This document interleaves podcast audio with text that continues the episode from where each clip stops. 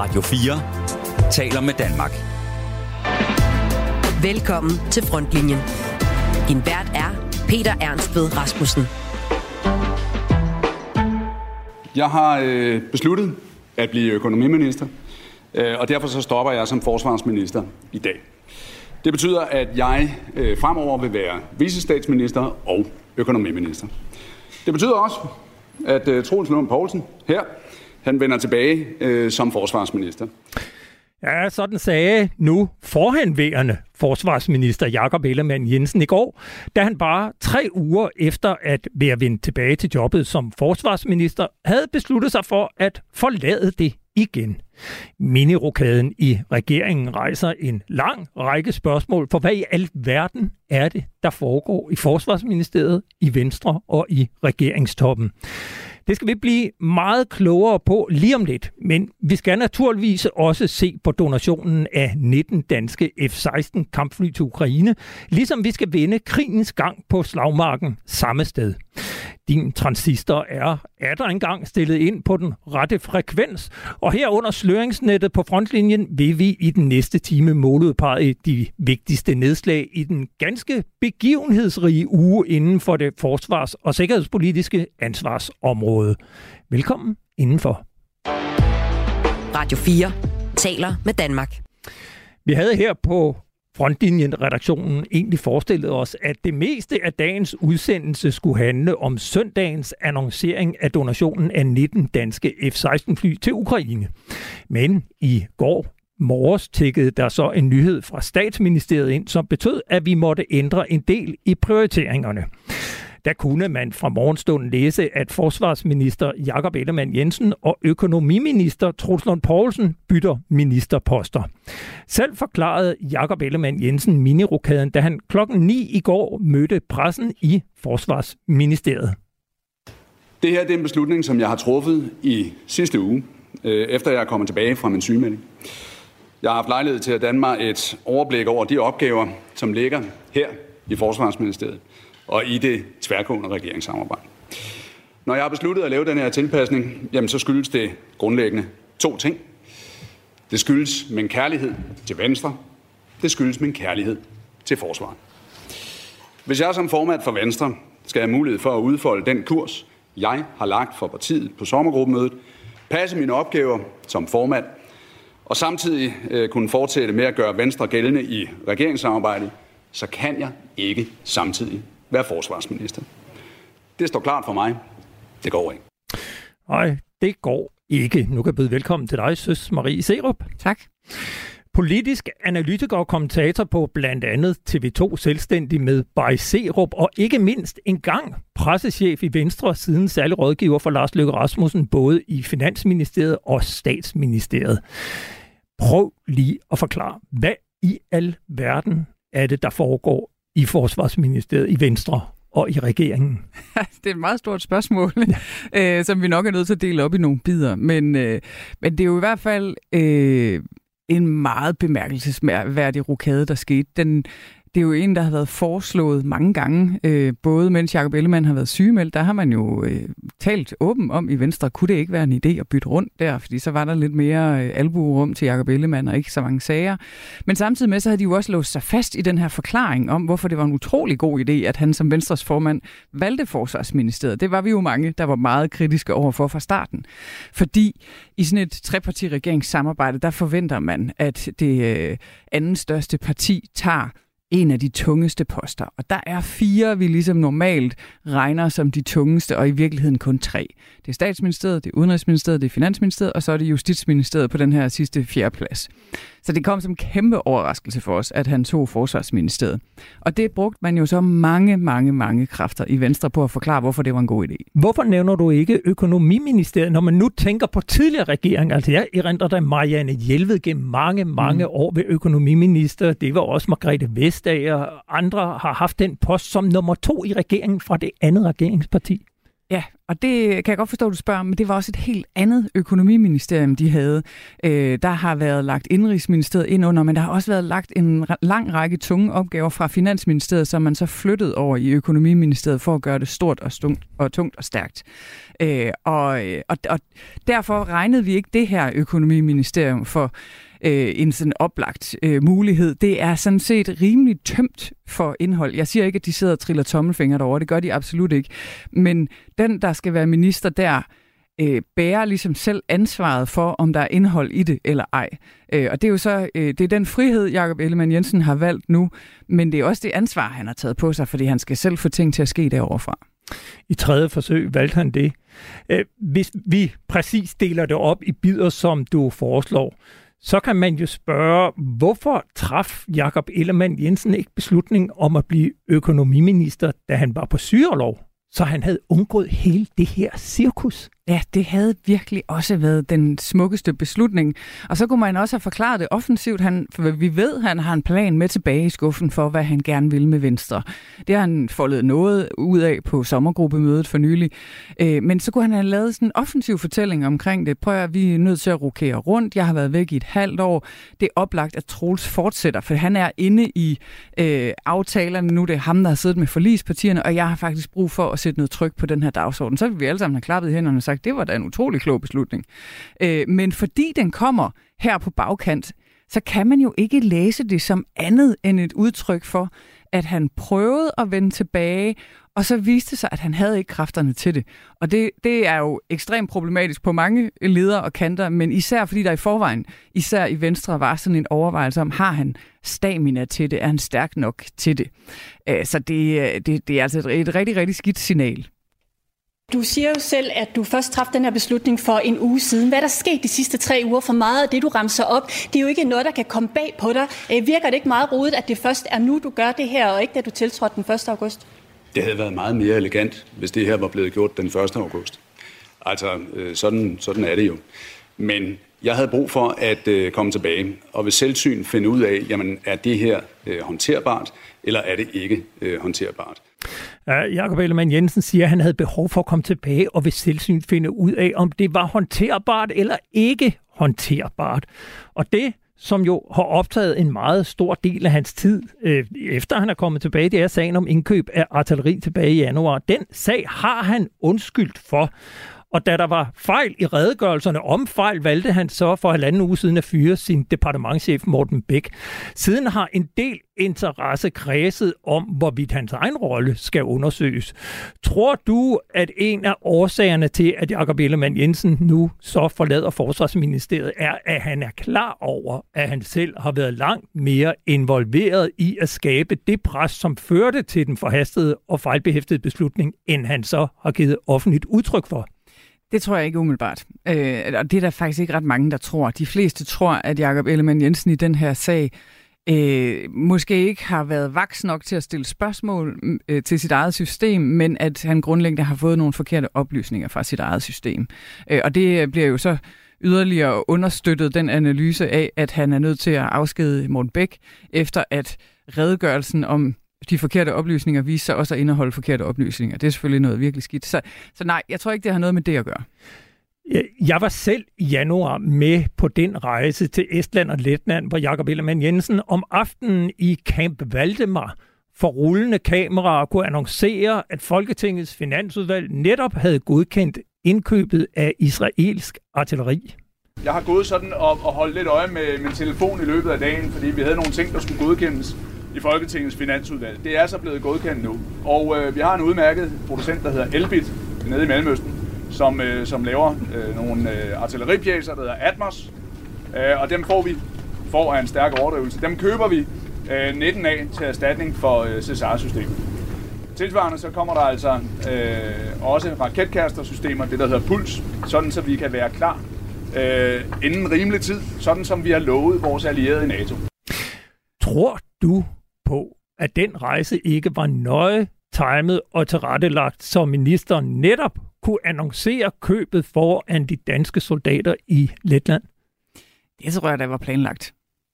Altså, det er, man vil altid gerne, når man kommer med sådan en meddelelse, have det rigtige backdrop, altså et flot billede, for at sige det sådan lidt teknisk, men det hører også med, at man selvfølgelig har været bekymret for, hvordan forsvarets egne folk ville reagere på, at man forærede det her Cesar-system væk, som de jo trods alt har siddet og ventet på i noget tid og har glædet sig til at få. Mm.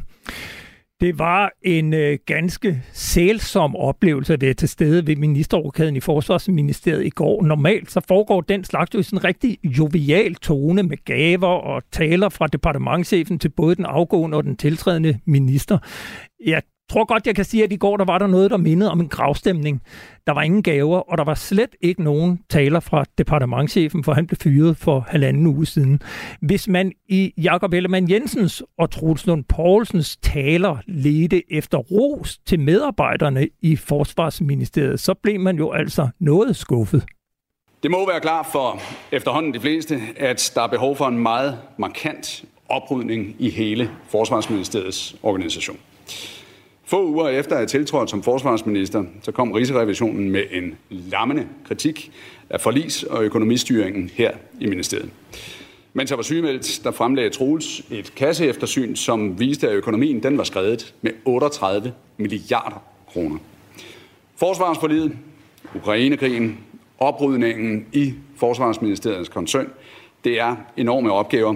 Det kræver fuldt fokus. Det kræver en fuldstændig dedikeret indsats fra forsvarsministeren, hvis det skal blive en succes. Som, øh, som Venstres formand netop har, har redegjort for, så har, har jeg jo bedt mig om øh, at træde ind som, øh, som forsvarsminister i, øh, i regeringen. Det er jo ikke nogen hemmelighed, jeg har, har været her før. Øh, det er faktisk her, jeg har tilbragt mest tid af den tid, vi har siddet i regering. Og øh, derfor er jeg også øh, glad for, at øh, når det nu er, som det er, øh, at jeg øh, kan udfylde en rolle her i øh, Forsvarsministeriet. Det var ikke ligefrem ros af Forsvarsministeriet, som Jakob Ellemann Jensen giver medarbejderne om. Man må vel også sige langt fra begejstring, der lyser ud af Troels Lund Poulsen ved udsigten til nu at skulle tilbage til arbejdsuger på op til 80 timer og tonsvis af møgsager, problemer og oprydning. Hvad betyder det her for Forsvarsministeriet og Forsvaret, at den øverste politiske ledelse udviser, hvad jeg vil kalde stort set ingen tillid til det system, som de er sat i spidsen for? Ja, det betyder, at de kommer til at sidde på nåle i et stykke tid, men jeg synes i virkeligheden også, at vi er nødt til at, spole lidt tilbage, fordi de har allerede mistet i hvert fald et halvt år. Altså det halve år, Jacob Ellemann har været sygemeldt, måske endda længere tid end det, hvor man har trukket beslutningerne, øh, fordi han skulle komme tilbage og bruge pengene, for at sige det øh, rent ud. Øh, så de har jo ventet og ventet og driftet og ventet og driftet og ventet og driftet, og egentlig ikke rigtig kunne gå i gang med opgaveløsningen. Øh, og det er jo åbenlyst, at det er en vanvittigt spændende og svær tid, forsvaret står i lige nu. Både at der skal bruges hurra, 143 milliarder kroner på forsvaret, men også at man har Ukrainekrigen, og at øh, hylderne hele tiden bliver tømt. Øh, nu er der så også på grund af Elbit-sagen lagt op til en omstrukturering i Forsvarsministeriet, øh, og det sker så alt sammen i, på sådan en grundtone af mistillid, og at øh, I har svigtet. Øh, det er en meget hård tid, der ligger foran Forsvarsministeriets medarbejdere. Og, og hvad betyder det her? Altså med tillid. Jeg talte med nogen i statsadministrationen, som netop talte om det her, at, at man kunne jo godt have været kritisk over for systemet, uden ligesom udad til at give udtryk for, at det hele det sejler. Mm. Øh, det der, at man som, der sidder jo rigtig mange kontorchefer, mm. afdelingschefer, medarbejdere, det er jo et mm. departement på 500 mand, mm. og det bliver holdt ud i strakt arm. Hvad har det for indflydelse på det arbejde, der bliver leveret? Altså man kan jo håbe, at de i hvert fald kan holde på de dygtige medarbejdere, for normalt, hvis man går ind i sådan en periode, så vil medarbejderne jo flygte. Jeg tror, det vil være muligt, altså i hvert fald de dygtigste, jeg tror, det vil være muligt at holde på de dygtigste, øh, fordi der er lagt op til, at man skal bruge 143 milliarder. Så det, det er det største problem, der ligesom er væk. Men det sætter sig jo i sådan en utryghed, i en cover your ass øh, sådan øh, kultur, øh, hvor man øh, fletter en hel masse forbehold ind i alle notater, øh, og hvor man øh, skriver i indirekte sprog, og man ikke tør lave den modige, den klare, faglige øh, rådgivning af ministeren i virkeligheden. Og der, hvis det er, det er i hvert fald sådan, det er normalt, vil det sætte sig i et ministerium under den her øh, type pres. Og der kan jeg bare sige, at med den minister, de har fået, så vil det være den helt forkerte tilgang at tage. Men det er meget naturligt i en organisation, der er under kritik på det niveau, de er lige nu, at, at det er den måde, man, øh, man prøver at forsvare sig selv. At det er at være mere forsigtig og, øh, og meget mere sådan, alle, alle skal skrive under på, at de har set alle dokumenter, øh, så man kan få fordelt Cover ansvaret. my ass. Total cover my ass, ja. Nu har de jo så fået Troels Lund Poulsen, som ja. jo dog faktisk har været ret stor tilfredshed med. Altså, der har været ret stor respekt omkring det arbejde, han har leveret i det halve år. Hvad vil du mene, at han kan, eller måske retter, hvad er det, han skal gøre nu? Altså, han skal øh, ind og have styr på de fundamentale strukturer. Øh, og det betyder jo arbejdsgangen, beslutningsgangen, øh, kvaliteten af arbejdet, og ikke mindst, og det er måske det allervigtigste, økonomistyring. Fordi det er simpelthen også afgørende for, at han kan udfylde sin rolle. Han kan ikke oparbejde tillid til forsvarsordførende, med mindre at han skaber tillid til forsvarets økonomistyring og kvaliteten af de notater, der kommer, og sandfærdigheden af dem. Så det er, det er jo sådan en, hvor han virkelig skal øh, sikre sig øh, selv. Det er jo også en form for cover your ass, men som politiker, der gør man det ikke ved at dele ansvar ud og, øh, og fedte ting rundt i langsomme processer. Der gør man det ved at være meget klar. Øh, og der skal Forsvarsministeriet være forberedt på en minister, som kan være meget brysk, Øh, han er meget kontant, meget direkte, han siger tingene lige ud, og han forventer, øh, at der bliver leveret på de ting, de lover til den deadline, de lover. Jeg ved, at en af de store frustrationer, der er ikke mindst i forligskredsen, altså blandt forsvarsordførende og blandt skifte ministre, er, at det er rigtig svært at få ærlige svar ud af det forsvarsministerielle system.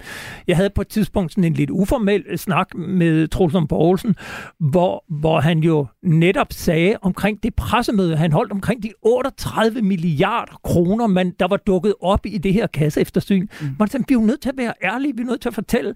Og hvad var reaktionen, da han stod frem og sagde, fuldstændig ærligt, der mangler 38 milliarder kroner. Det var, at sagen faktisk i, i medierne døde ret hurtigt, ja. fordi han stod og var hovedløs ærlig. Og det skal de jo notere sig i Forsvarsministeriet. Alt, hvad de har af uafklaretheder, af dårlige beslutninger, af forkerte processer, det er bare op på bordet med dem nu. Fordi de skal sørge for at få håndteret det hele i et hug. De bliver alligevel, uanset om de hopper og danser, underlagt en omstrukturering, underlagt voldsom kontrol. Alle deres beslutninger, alle deres notater, alting vil blive kigget efter og varet på en guldvægt. Så de kan lige så godt få alt, for at sige det lidt populært, lortet på bordet fra start. Og noget af det, som jeg jo har dyrket meget, det er, når man taler med mange af de her militærchefer, blandt andet omkring brigaden, herrens brigade, ikke, hvor de fortæller om alle de mangler, alle de ting, der ikke er, og når man spørger ind i ministeriet, så er alt ok. Vil det her være en anledning til, at Trulsund Poulsen som minister ligefrem kan pålægge chefer og, og hele systemet at sige, nu åbner I op, nu skal vi have en helt anden åbenhedskultur, end vi har været vant til i det her ministerium? Det vil klart være min forventning, og jeg tror også, der vil være en, en klar øh, ordre om, at hvis man ikke kan nå at levere et øh, kvalitetsmæssigt produkt på den øh, tid, man har fået, så har man pligt til at sige, at vi har brug for mere tid. Hvis vi kigger på indkøbet af Elbit, øh, så er, har embedsmændene jo skrevet, men indirekte, at de har brug for noget mere tid for at kunne lave et, øh, et ordentligt øh, kvalitetsmæssigt arbejde. Øh, der vil de blive pålagt, at så skal der stå, vi har brug for 14 dage mere, eller øh, vi kan ikke nå at gøre det øh, ordentligt, hvis ikke vi får en måned mere. At der, der, det vil være forventningen til dem. Så det skal de, der skal de virkelig omstille sig for den sådan sædvanlige embedsmands måde at være på. Jeg vil gerne spille et lille klip mere. Det er fra aftenshowet på Danmarks Radio i går aftes, hvor både Jakob Ellemann og Troels Lund Poulsen var gæster. Det er jo klart, øh, at øh, når jeg rækker ud til mig øh, og siger, at han synes, det er den model, der fungerer bedst for ham, så siger jeg også, at det er jeg villig til. Og, og jeg synes, I kredser lidt om det før. Øh, nu vil jeg gerne prøve at lukke med ind i sådan et laboratorium, hvor I spørger, jamen, hvad er det der med at være statsminister og forsvarsminister og sådan noget?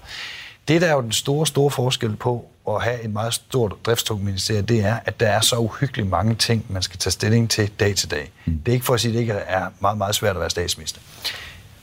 Jeg fik en opgørelse fra, bare for min egen selvtilfredsstillelse skyld, for ligesom at, jeg synes, jeg arbejder ret meget i de måneder, og så bad jeg om for at vide, hvor mange sager har jeg indtalt haft i mine hænder, hvor mange sager har jeg godkendt, fra jeg blev øh, sygemeldt, og til jeg så, om man så må sige, gik på sommerferie i midten af juli måned.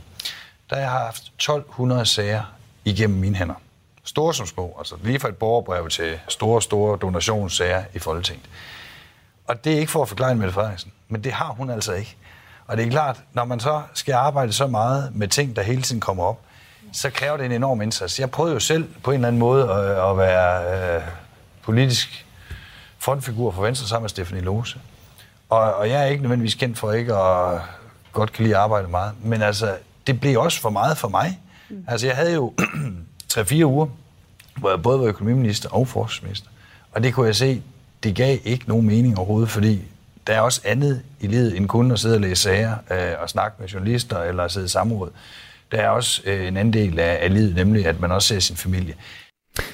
Ja, altså det er hårdt at være driftsminister for sådan et øh, ministerium som Forsvarsministeriet. Man kan spørge sig selv, om ikke Jakob Ellemann Jensen kunne have regnet det ud på forhånd. Men hvad kommer den her rokade til at betyde for Venstre og regeringens velbefindende, at han nu trods alt får mere tid? Jeg tror, det bliver godt for regeringen. Altså, derfor er det også en klog beslutning. Timingen og udførelsen og sådan noget, det har været til dumpe karakter, men øh, beslutningen som sådan er rigtig. Øh, det er rigtigt at få noget overskud til at følge alle sagerne igennem regeringsapparatet, fordi Venstre jo stadigvæk står i den situation, at de har brug for at bevise, at det var en god idé, de gik med i det her regeringssamarbejde, og de sikrer Venstre sejre. Øh, og Troels Lund Poulsen, eller hvem der end måtte være forsvarsminister, det tror jeg nu Troels vil være i en, øh, en rumtid, øh, vil være hængt op af drift og af beslutninger og af forligskredsen og af øh, samråd og af alt muligt skrammel. Øh, og det, og det er rigtigt, det kræver en dedikeret indsats, ikke mindst i sådan en omstillingsperiode, som forsvaret går ind i. Jakob Ellemann Jensen, han sagde, at han valgte forsvarsministeriet med hjertet, fordi han elsker forsvaret. Nu siger han, at jeg ville behandle både Venstre og regeringssamarbejdet og forsvaret stedmoderligt, hvis jeg insisterede på at fastholde alle tre hatte. Altså, øh, har Jakob Ellemann Jensen nogen som helst troværdighed tilbage? Det er ikke meget. Øh, og, og når man så ovenikøbet øh, kobler det op på et ord, som er lidt fremmed i politik, nemlig noget med kærlighed, øh, så er det klart, så, så strider det bare endnu mere. Altså, han skal virkelig spænde hjelmen, øh, og det er så ikke øh, en sådan fragmenteringsbørge, men en anden slags hjelm. Økonomihjelmen. Ja, det er økonomihjelmen, og... Øh, og, og det, det, der bliver efterspurgt fra ham, det er jo, øh, at han viser, at han har politisk næse. Men det, han allerede er i underskud med, det er troværdighed. Øh, så det, det, det er en meget øh, fin øh, balancegang at skal gå, og han, han skal virkelig levere noget, og levere noget håndgribeligt, og gøre det relativt hurtigt. Radio 4 taler med Danmark. Ja, jeg står her i studiet med Søs Marie Serup, politisk kommentator, og øh, vi taler selvfølgelig om regeringsrokaden, hvor Troels Poulsen nu har overtaget forsvarsministeriet fra øh, Jakob Ellemann Jensen. Og han skal jo, Troels Poulsen, som noget af det første ud at finde en ny departementchef. Kan du ikke lige prøve at sige, hvordan finder man sådan en? Altså, der ligger det jo... Normalt er det noget, der ligger til øh, regeringsansættelsesudvalg, øh, og der er øh, sådan et intern hierarki, som alle lader som om ikke er der, men man ved så nogenlunde, hvem der står for tur.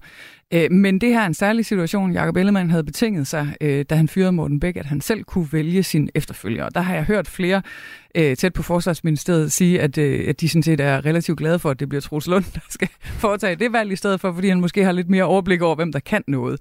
Men jeg tror, der vil være et vis pres for, at man finder en, der er stærkere på økonomi end på forsvar. Øh, og der er altså et navn, man ringer til altid, når, øh, når det virkelig knager med økonomien. Det er BBB. Nej, det er det ikke. Øh, men Barbara Bertelsen vil helt sikkert øh, blande sig i den her diskussion. Men så er det finansminister måske, der skal ind over. Ja, ja, og jeg vil tro, at, øh, at man der øh, vælger en af dem, man ved, der kan rydde op. Øh, der er Niels Godfredsen, han er simpelthen det navn, der står både i næren. Og hvem er øh, han? du spørger mig. Jamen han øh, har jo været i Finansministeriet, har også været rundt og har ryddet op i politiets forsvar, har været mange andre, eller slået politiets økonomi. Øh, han er sådan en, som er ekstremt systematisk, øh, meget, meget dygtig på økonomi, øh, ikke øh, nødvendigvis et nemt menneske at være sammen med, men øh, han leverer resultater, og det gør han på meget kort tid. Han er ikke en, der vil blive elsket øh, i Forsvarsministeriet, hvis man vælger ham.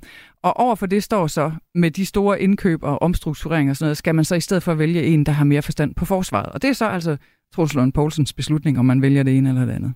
Og hvor hurtigt tror du, den her beslutning bliver truffet? Man, det er jo ikke, fordi det er tid, man har mest af. Nej, den skal gå relativt hurtigt. Øh, de er nødt til at kunne komme videre med arbejdet nu, fordi som sagt har man jo under sygemeldingen skubbet en hel masse beslutninger foran sig. Øh, Folketinget står og tripper og synes, det er uretfærdigt, at den minister, der var ansvarlig under Elbit-sagen, ikke er der længere. De er simpelthen nødt til at komme videre med beslutningerne nu, og også med den omstrukturering, de har lagt op til.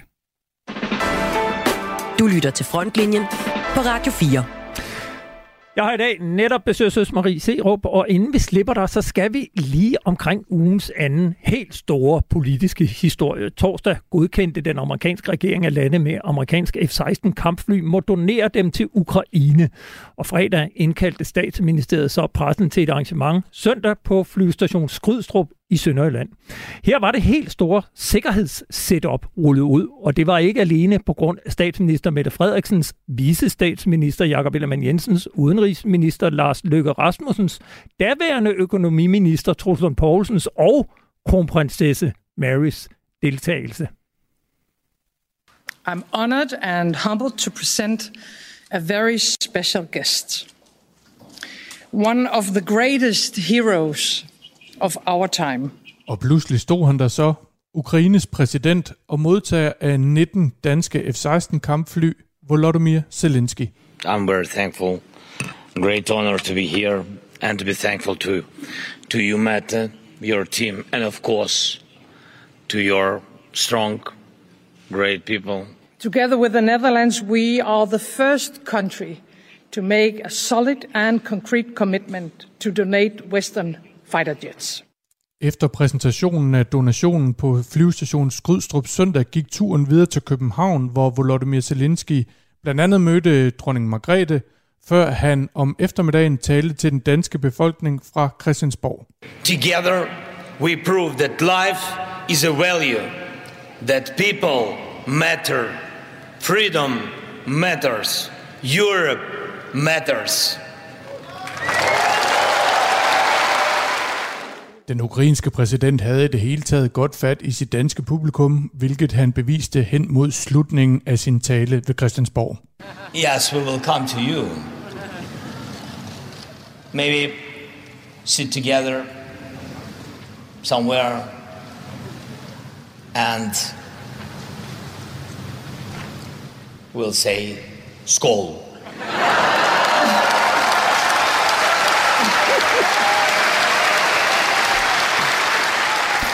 Ja, han var populær Volodymyr Zelensky, Søs Marie Serup. Hvorfor vælger Danmark at gå ene gang sammen med Holland og donere, donere 19 danske F-16 kampfly til Ukraine? Altså det er jo vigtigt at sige, at der er jo 11 eller 12 lande, der er bag den her flyalliance, men øh, vi er dem, der øh, først kan undvære nogle stykker af dem, og så er der jo sådan et håb om, at vi kan udløse en ketchup-effekt. Øh, så det er den politiske overvejelse bag. Hvor meget betyder det for den danske regering, og ikke mindst statsministeren, at hun kan sole sig i det internationale spotlys sammen med Zelensky siddende med ham i et dansk F-16-fly, og så i øvrigt komme på forsiderne og breaking news rundt omkring? Altså det er jo... Øh as pictures go, så kunne jeg ikke ønske mig noget bedre for en statsminister. Øh, det er et fantastisk billede, og for en socialdemokratisk statsminister er det også, og især Mette Frederiksen, som har lagt meget vægt på at holde danskerne sikre og trygge. Øh, der er det, det, det er uvurderligt billede. Øh, hun har jo positioneret sig, og vil sikkert i eftertiden blive husket mindre for corona og mere for krig, end vi egentlig i dag går og regner med, fordi hun har fuldtonet og med hjertet, hvis vi skal bruge et Jacob Ellemann øh, udtryk, meldt sig ind i den her øh, krig øh, i Ukraine. Og det, øh, det, er jo, det er jo sådan noget, man ser med 100 års briller, og ikke med en valgperiodes briller. Øh, vi har jo længe fokuseret på, hvordan forsvaret hænger i laser, og hvordan NATO løbende har kritiseret Danmark for at levere for lidt, for sent og for langsomt til den fælles forsvarsalliance. Er det forkert at antage, at dette fokus på at være førende i donationer til Ukraine også handler om at købe aflad for fortidens sønder?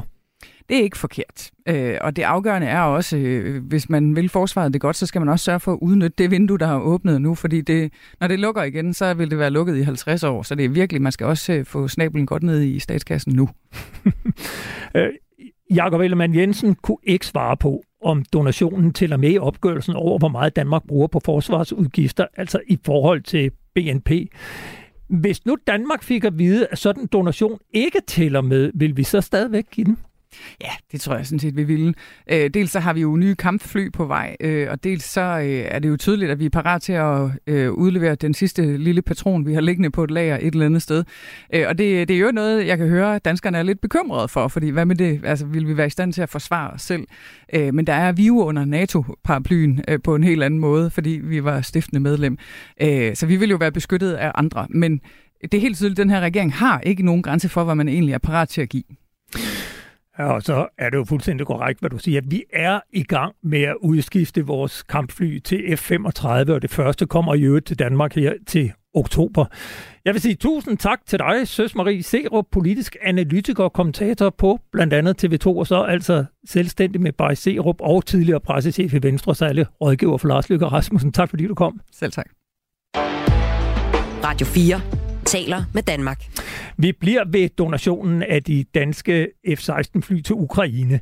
Den politiske signalværdi i donationen er der allerede sagt mangt og meget om. Men hvad kan F-16-flyene helt konkret bruges til? Hvor mange er der behov for, hvis de for alvor skal gøre nytte? Og er de overhovedet det vidunderbarn, som de har været omtalt som? Det skal vi tale med dig om. Søren Sørensen, velkommen til. Tak skal du have. Tidligere F-16-pilot og i dag coach og forholds, øh, foredragsholder. Kan du ikke lige indledningsvis forklare, hvad er F-16 for et kampfly? Jo, det er godt. F-16 er det, der hedder multi kampfly.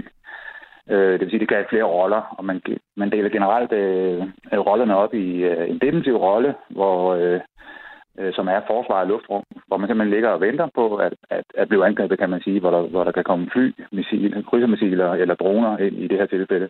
Imod dig, så vil du så engagere dem med, med luft-til-luft-missiler. Det er altså en kamp i luften.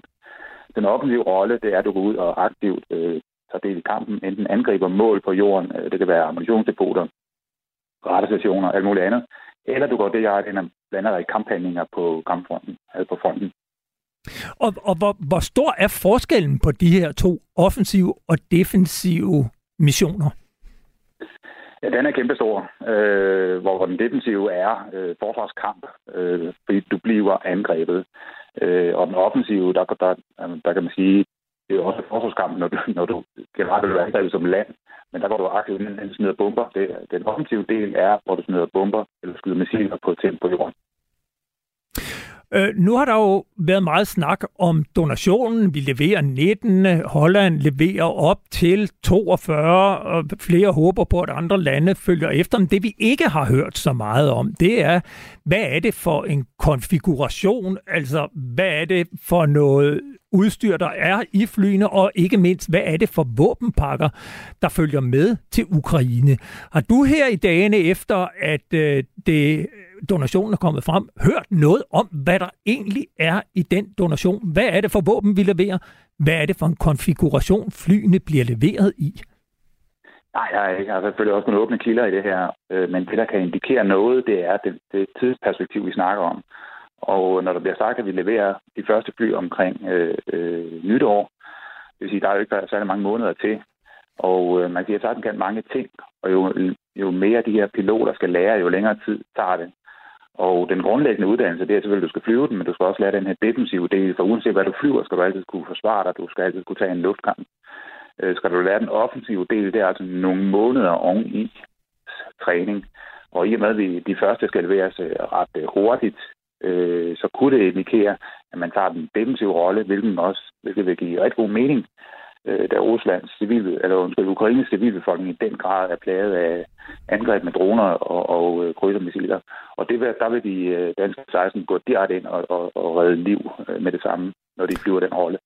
Og når du siger, at øh, noget kunne tyde på, at man så vil levere en defensiv konfiguration, hvad vil det betyde, at man har brug for, at ukrainerne har brug for øh, våbenpakker til at flyve defensivt?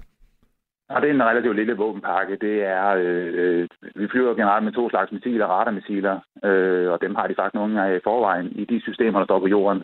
Jeg kan ikke sige, om det er helt samme type, men øh, de er kendte.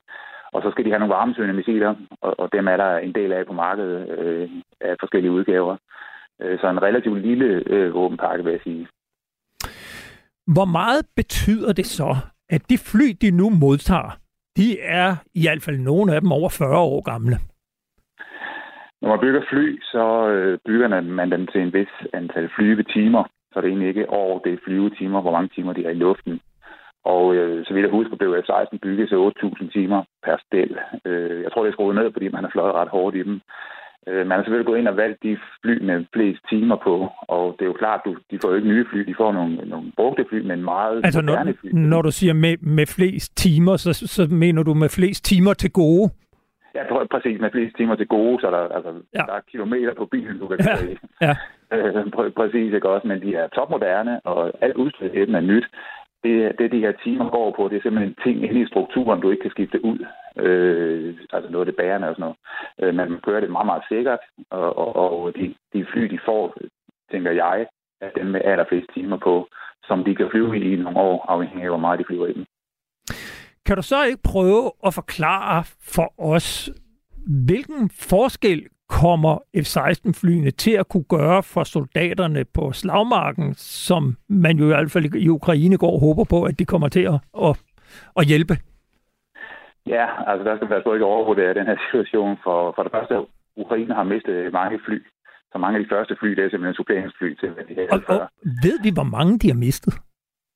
Øh, jeg, jeg har, har kun 8 kilder, altså de, de har sandsynligvis mistet øh, flere hundrede, øh, universiteter. Altså de, de mistet en del. Øh, men men øh, man skal ikke overvurdere det her, som sagt. For når de, når de ankommer, så ankommer de relativt få øh, stykker af gangen. Der skal rigtig mange kampfly til at køre en kampagne. Altså til, til at virkelig op, opvaske øh, kampfly har haft øh, servicetunge. Der er en del eftersyn. De står en del på jorden. Og det at holde dem i luften hele tiden er utrolig omkostningstungt. Øh, kampfly flyver typisk øh, mellem en og to timer på en optankning. Og når de ikke har lufttankning, og hvis du så vil have et tryk ude på fronten, som i øvrigt er mange hundrede kilometer lang, og du kan have fly i luften derude øh, så tit som muligt, så er der simpelthen fly, der frem og tilbage, øh, og så er der derude måske en time og flyver hjem igen, hvor andre så skal komme og afløse. Øh, det vil sige, at der skal utrolig mange fly til at lægge øh, øh et, et, et mærkbart pres på fronten. Jeg tror, en helt stor effekt, det er den psykologiske, at, øh, at øh, ukrainerne ved, at der er noget godt i luften, der kan hjælpe dem, og at øh, de russiske piloter på den anden side ved, at der er kommet et mere slagkraftigt våben, så man måske kan se, at de trækker sig længere tilbage fra fronten med deres fly og kamphelikopter, hvilket øh, jeg kraftigt vil overveje, hvis jeg var dem. Øh, nu fortæller du om store afstande, korte flyvetider, få fly.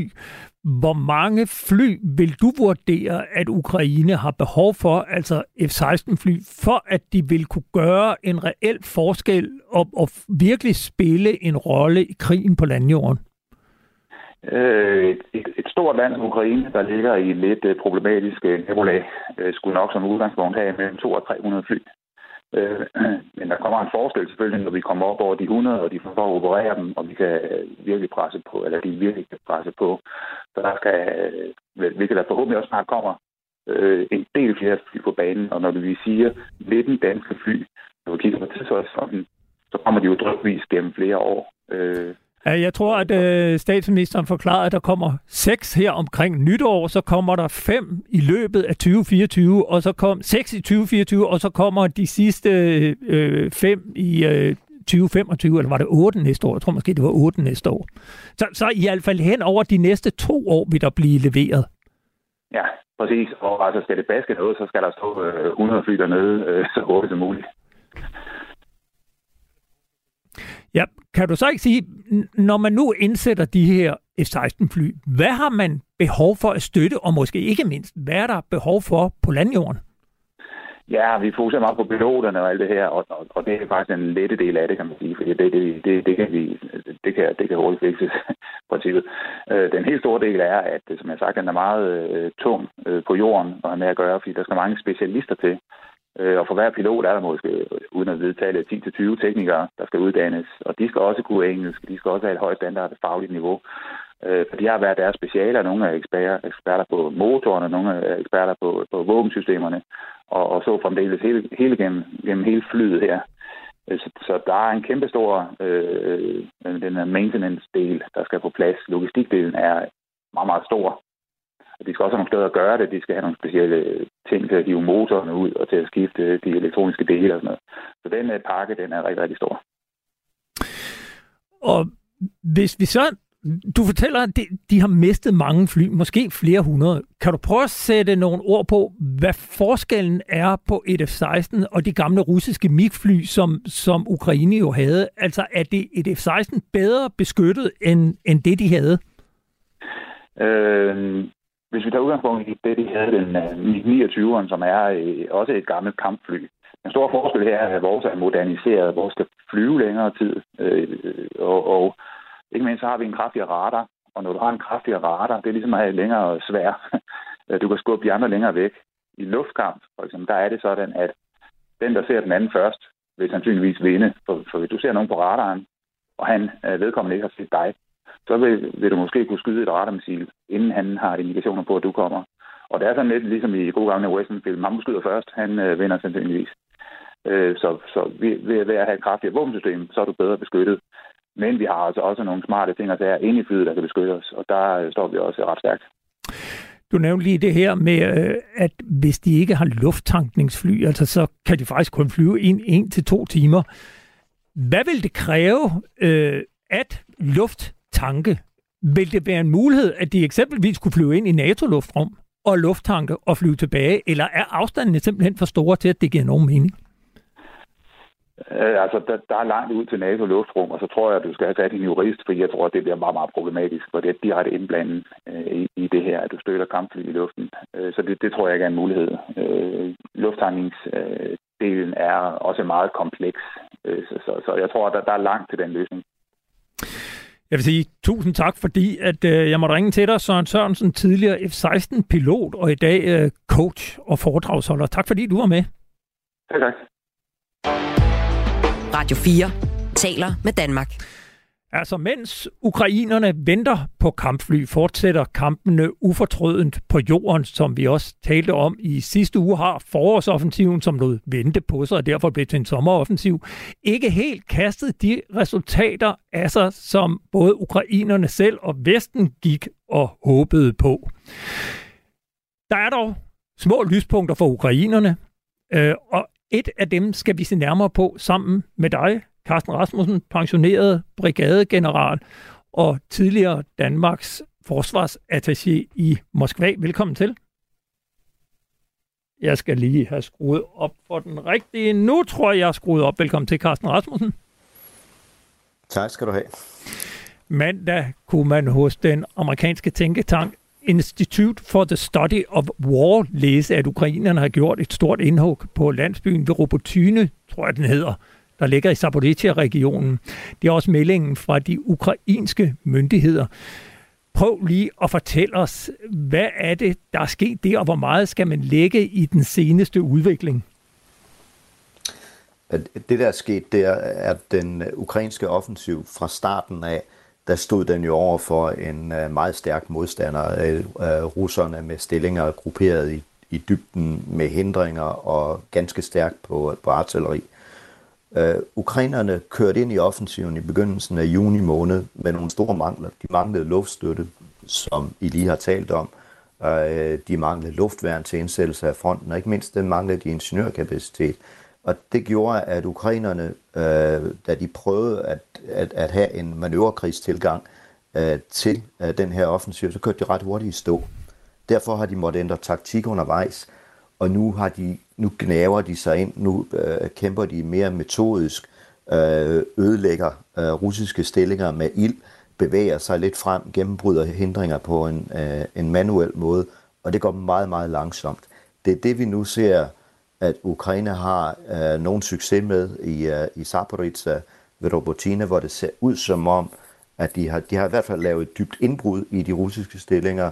Om øh, de som nogen hævder har lavet gennembrud, det, det tvivler jeg lidt på. Øh, øh, så vidt jeg kan se på forskellige kort, så er der faktisk en, en øh, russisk forsvarslinje umiddelbart syd for byen også, som må være en del af den første forsvarslinje. Og hvis vi lige taler om de russiske forsvarslinjer. Hvad er det så, russerne har gjort for at være klar til den her længe ventede offensiv? Uh, russerne har etableret et, et antal linjer, øh, de fleste steder to til tre forsvarslinjer uh, med flere kilometers mellemrum. Nogle steder er der helt op til syv forsvarslinjer, som jo, der er lavet et meget omfattende forberedelsesarbejde hen over øh, sidste efterår og hen over vinteren. Men de russiske stillingers svaghed er, at det faktisk kun lader til at være de forreste linjer, der er bemandet.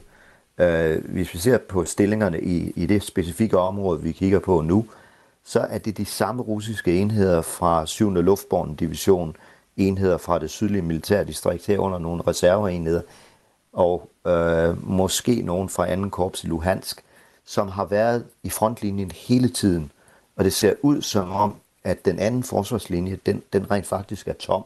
Der er i hvert fald ikke identificeret nogen specifikke enheder i den. Så det er de samme enheder, Rusland har, øh, eller det, det, de russiske styrker har haft indsat i frontlinjen i nu. Ja, nu er vi langt hen i august måned, så det er mere end to måneder. Enhederne er ikke blevet roteret i modsætning til øh, de ukrainske enheder, som, som med jævne mellemrum øh, øh, roterer på, øh, på fronten og dermed får en pause. Det har russerne ikke fået. Vi har heller ikke set, at der er russiske reserver, operative reserver, der bevæger sig i dybden. Når et frontafsnit som øh, Robertine, når det bliver forstærket, øh, så ser det ud som om, det er en, lat, øh, en øh, lateral forstærkning, der foregår. Altså man flytter enheder øh, fra siderne ind mod det truede område. Så det tyder på, at, at øh, de russiske styrker, på trods af de her omfattende ingeniørforberedelser, på trods af omfattende mineringer, rent faktisk står relativt svagt. Men kan du så ikke prøve at fortælle, hvad er det, de har gjort, altså siden, eller man kan spørge på en anden måde, hvorfor kan Ukraine ikke bare bryde igennem, hvis øh, at forsvarslinjen i virkeligheden er så svagt bemandet rent mandskabsmæssigt? Hvad er det, der møder ukrainerne, når de ruller frem? Øh, det, der møder ukrainerne, når de øh, ruller frem, det er russisk artilleri, det er russisk luftstøtte fra fly og kamphelikopter, og det er russiske hindringer i form af masser af minefelter. Og så naturligvis soldater, som, som øh, befinder sig i de her feltbefæstede stillinger. Og det kan man ikke bare rulle frem imod, medmindre man har kapaciteten til at gøre det.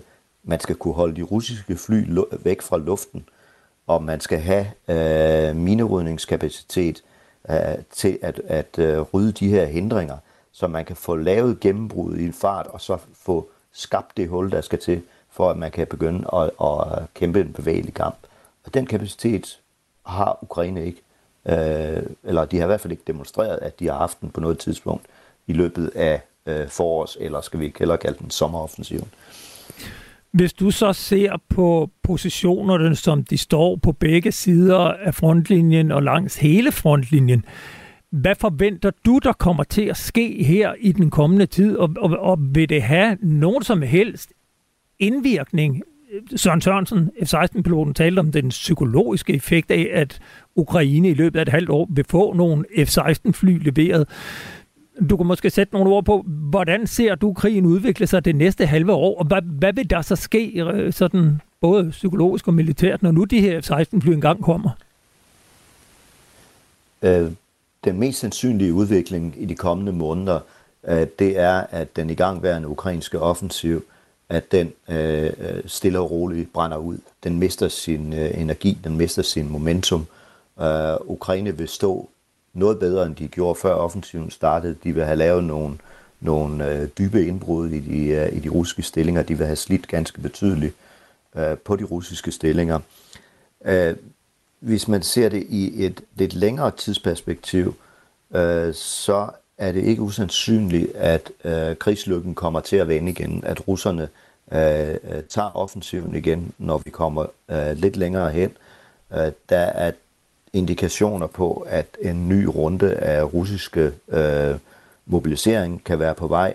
Der foregår i øjeblikket et antal øh, lokalvalg rundt omkring i Rusland. De er overstået øh, øh, ind omkring midten af september, og derefter øh, kunne det godt tyde på, at der kunne komme en, øh, en ny russisk mobilisering, og dermed forberedelse af, at øh, russerne øh, kan optræde mere offensivt, hvis vi kigger øh, et halvt år til et helt år frem i tiden så er der dog også en anden mulighed, som jeg mener, man ikke bør udelukke på nogen, eller kan udelukke på nuværende tidspunkt. Og det er, at ukrainerne rent faktisk får et gennembrud, fordi den russiske øh, moral er så dårlig. Og den, når den russiske moral er dårlig, og der er utilfredshed på russiske sociale medier med, med jævne mellemrum over det, så er det, at de russiske styrker ikke bliver øh, udskiftet, at der ikke foregår en, øh, en rotation af de russiske styrker og det undergraver altså kampeffekten. Og hvor meget det undergraver den, øh, øh, den russiske hærs effektivitet, det kan man, det, det, det kan man umuligt vurdere øh, præcist. Man kan blot konstatere, at det finder sted, og på et eller andet tidspunkt at kan man ikke udelukke, at det her fører til et sammenbrud et sted på fronten.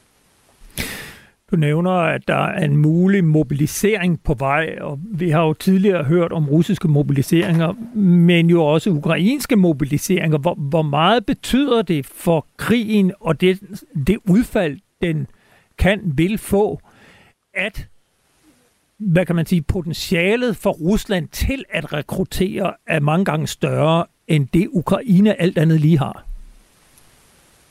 Øh, det betyder for krigen, at Rusland har en interesse i at trække krigen ud. Uh, Rusland uh, kan uh, holde til en, en uh, længere krig, end Ukraine kan, fordi man uh, uh, har flere kræfter at tære på. Man har flere soldater, man uh, potentielt kan sende ind over tid, og det gør, at Rusland har en interesse i at, øh, at trække kamphandlingerne ud. Rusland har en interesse i at trække krigen ind i øh, 2024. Det vil, det vil give øh, Rusland nogle, øh, nogle fordele. Øh, så spurgte du til effekten af øh, donation af kampfly. Og der er jeg helt enig med øh, Søren Sørensen i, at der skal, der skal rigtig mange kampfly til for øh, debatter for alvor. Øh, men man kan altså også lægge tyngde med kampfly, så, så Ukraine behøver ikke nødvendigvis have 300 fly, så man kan dække hele fronten for at gøre en forskel. Øh, blot med færre fly vil man kunne opretholde et pres og lægge tyngde i et bestemt frontafsnit, som eksempelvis øh, øh, de to akser, man primært angriber i, i dag, øh, ned mod Tokmak og Melitopol, det der, hvor Robotine øh, ligger, og, og den øh, akse, der går øst derfor, som går ned i retning af øh, Berdjansk på øh, kysten til Azovske hav. Altså hvis man har et mindre antal kampfly end, end mit bud vil være, hvis man har 50-100 kampfly, så kan man godt gøre en forskel inden for øh, isoleret frontafsnit, og så øh, vil man så ikke anvende så mange flyressourcer på de andre øh, frontafsnit. Konsekvensen er, af det er naturligvis, at så vil man have svært ved at beskytte øh, ukrainske byer og civile infrastruktur øh, mod de russiske angreb, som øh, bliver gennemført. Nu har du selv været øh, kampvogns eskadronchef, du var det blandt andet under Operation Bøllebank i Bosnien tilbage i 1994, og, og kender således fra soldaten på jordens øh, situation. Hvor meget betyder det for soldater på jorden, at man har kampfly i luften over sig til at støtte sin egen kamp? Det betyder rigtig, rigtig meget, fordi man er forbandet sårbar, øh, når man er på landjorden, og i særlig grad, når man skal bevæge sig på landjorden. Øh, øh hvis du tager russiske kamphelikopter, de, de øh, moderne versioner af russiske kamphelikopter har missiler med rækkevidde op på 7, 8, 10, eller jeg har set helt op til 13 km. Altså det er meget langt ude, øh, de her kamphelikopter øh, rent faktisk er i stand til at nedkæmpe kampvogne. Og kampvognen har jo ikke noget med at, at give igen med på den afstand øh, mod helikopter. Så derfor er man, når man skal bevæge sig på landjorden i en kampvogn eller i et infanterikampkøretøj, så er man meget afhængig af, at øh, man har fly, som kan holde fjendens fly og kamphelikopter væk. Altså man kan skabe en par ply over øh, de enheder, der skal øh, bevæge sig på landjorden. Har, har du noget overblik over, hvor meget russerne bruger deres luftvåben? Altså, vi har jo ikke hørt særlig meget til det, og i virkeligheden heller ikke til Ukraine. Hvor, hvor, hvor mange fly er der i luften? Altså, hvad, hvad taler vi om? Jeg kan ikke sige noget om et antal, hvor mange russiske fly der er i luften. Det har jeg, jeg slet ikke noget øh, overblik over. Øh, men øh, man kan se i, i øh, de kampe, der har været her hen over sommeren under den ukrainske offensiv, at Rusland har brugt øh, øh både sin kamphelikopter og sin fly, men de har brugt dem på nogle afstand af fronten. Altså de kommer ikke ind, hvor de øh, kan rammes af det luftværn, som øh, Ukraine råder over og så afleverer de deres våben på stor afstand, eller kamphelikopterne anvender deres øh, missiler øh, på stor afstand. Øh, hvis Ukraine rådede over kampfly i tilstrækkeligt antal, jamen så kunne man enten øh, bekæmpe de her russiske fly, eller man kunne holde dem endnu længere væk fra fronten, og dermed være med til at skabe den paraply, jeg taler om, som øh, landstyrkerne kan bevæge sig ind under. Og det er jo i hvert fald det, som øh, ukrainerne håber på, de kan gøre, når de her i løbet af næste år får leveret de første danske og hollandske F-16 kampfly. Det bliver i hvert fald spændende at følge, hvordan den udvikling går, og om de i virkeligheden kan få mange flere vestlige kampfly. Jeg vil sige tak til dig, Carsten Rasmussen, pensioneret brigadegeneral og tidligere Danmarks forsvarsattaché i Moskva, fordi du var med her i frontlinjen og lige opdaterede os på situationen i Ukraine. Tak for det. Jo, velbekomme. Radio 4 taler med Danmark. Vi når ikke mere i denne udgave af Frontlinjen her på Radio 4. Udsendelsen, udsendelsen blev lavet i samarbejde med journalist Kasper Junge Vester. Husk, at du kan skrive til os med ris og ros og gode idéer til emner, som du mener, vi bør tage op på mailadressen frontlinjen radio4.dk. Du kan også lytte til alle tidligere programmer i Radio 4's app, som du kan downloade til din telefon. Og der er mange gode at tage af. Efter nyhederne er der kranjebrud om store filmsucceser. Tilbage er der bare at sige tak for i dag. Du har lyttet til en podcast fra Radio 4. Find flere episoder i vores app, eller der, hvor du lytter til podcast.